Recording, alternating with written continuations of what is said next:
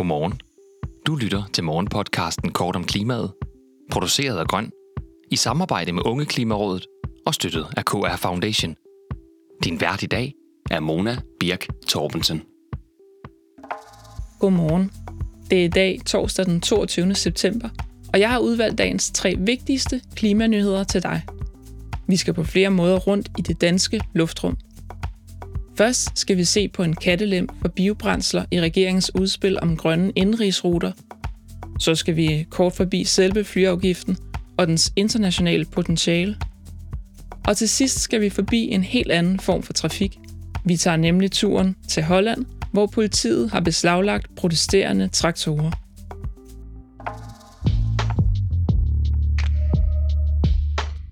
Vi starter med flytrafikken. I Klimamonitor kan man læse, at regeringens luftfartsudspil åbner en kattelem for brugen af klimaskadelige biobrændsler.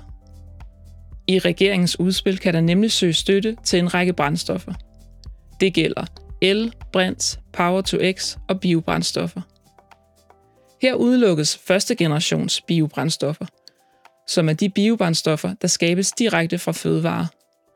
Men døren holdes åben for anden generations biobrændstoffer – og det er dem, som bliver skabt af rest- og affaldsprodukter fra fødevarer. I blandt disse affaldsprodukter indgår dog det kritiserede brændstof HVO, som kan stamme fra spildt madolie. Og Henrik Wenzel, der er professor på Syddansk Universitet, advarer kraftigt mod denne kattelem. Uanset om der har været en pomfrit forbi først, så vil efterspørgselen til brændstoffer skabe incitament til at producere meget mere spildt madolie og så er konsekvensen palmeolieproduktionen i Indonesien og Malaysia. Og det er det værste for klimaet. EU-parlamentariker Niels Torvalds anerkender problemet. Men han mener ikke, at man skal blande energilovgivningen og fødevareindustriens problemer sammen.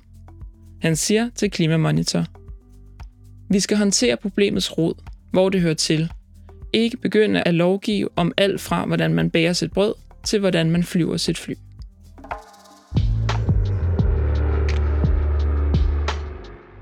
I første sektion af politikken fortsætter vi i luftrummet lidt endnu. Her finder vi nemlig en opfølgning på regeringens forslag om flyafgifter. Som vi fortalte i går, foreslår regeringen, at en flyafgift på 13 kroner skal gælde for indrigsflyvning i Danmark. Afgiften skal være med til at finansiere grønt brændstof. Tænketanken Concito har herefter opfordret til også at sætte afgifter på international flyvning, som man for eksempel har gjort det i Tyskland. Cirka 95 procent af flytrafikken består af udenrigsluftfart, som udleder 20 gange så meget drivhusgas som trafikken på indrigsruter. Samtidig peger politikken på, at en afgift vil kunne udligne flytrafikkens konkurrencefordele og få folk til at flyve mindre.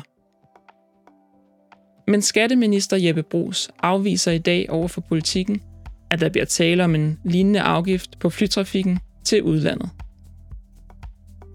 Han siger, det er et spørgsmål om, hvilken vej man vil gå. Vi ønsker en vej, hvor man kan blive ved med at flyve. Vi ønsker ikke, at folk skal flyve mindre, men vi ønsker selvfølgelig, at når man flyver, skal det være grønt.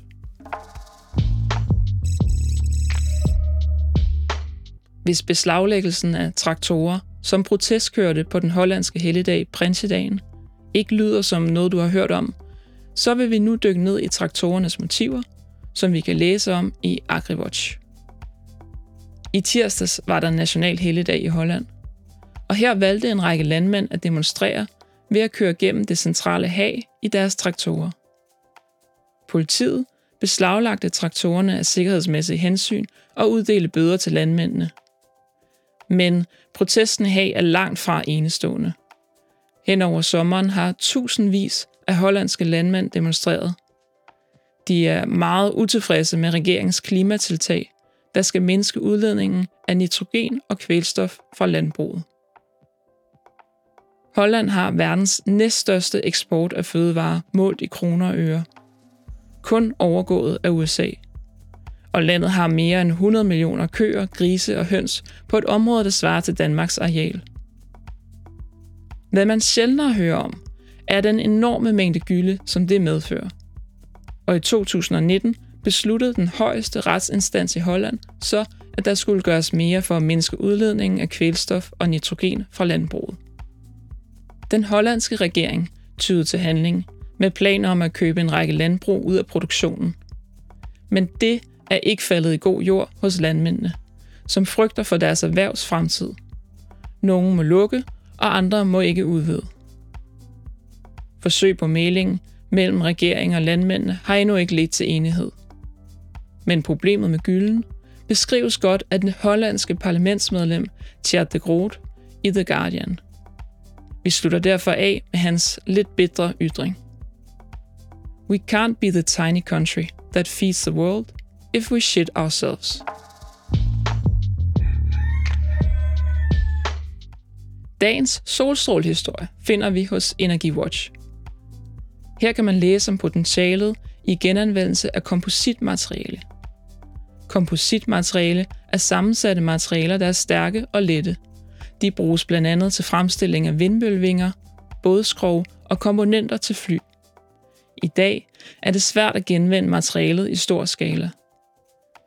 Derfor har Klimafonden Clementum Capital sendt investeringer i netop den retning. Nærmere bestemt den danske virksomhed Continuum Composite Recycling, som vil bygge fabrikker, der kan genanvende det såkaldte kompositmateriale i stor skala. Virksomhedens mål er at eliminere alt industrielt kompositaffald inden 2050 og dermed nedbringe den tilknyttede CO2-emission med mindst 100 millioner tons om året. Tak fordi du lyttede med til Kort om Klimaet. Vi har alle ugens hverdag udsendelsen klar kl. 8. Hvis du vil høre den med det samme, så gå direkte ind på vores feed på kortomklimaet.dk.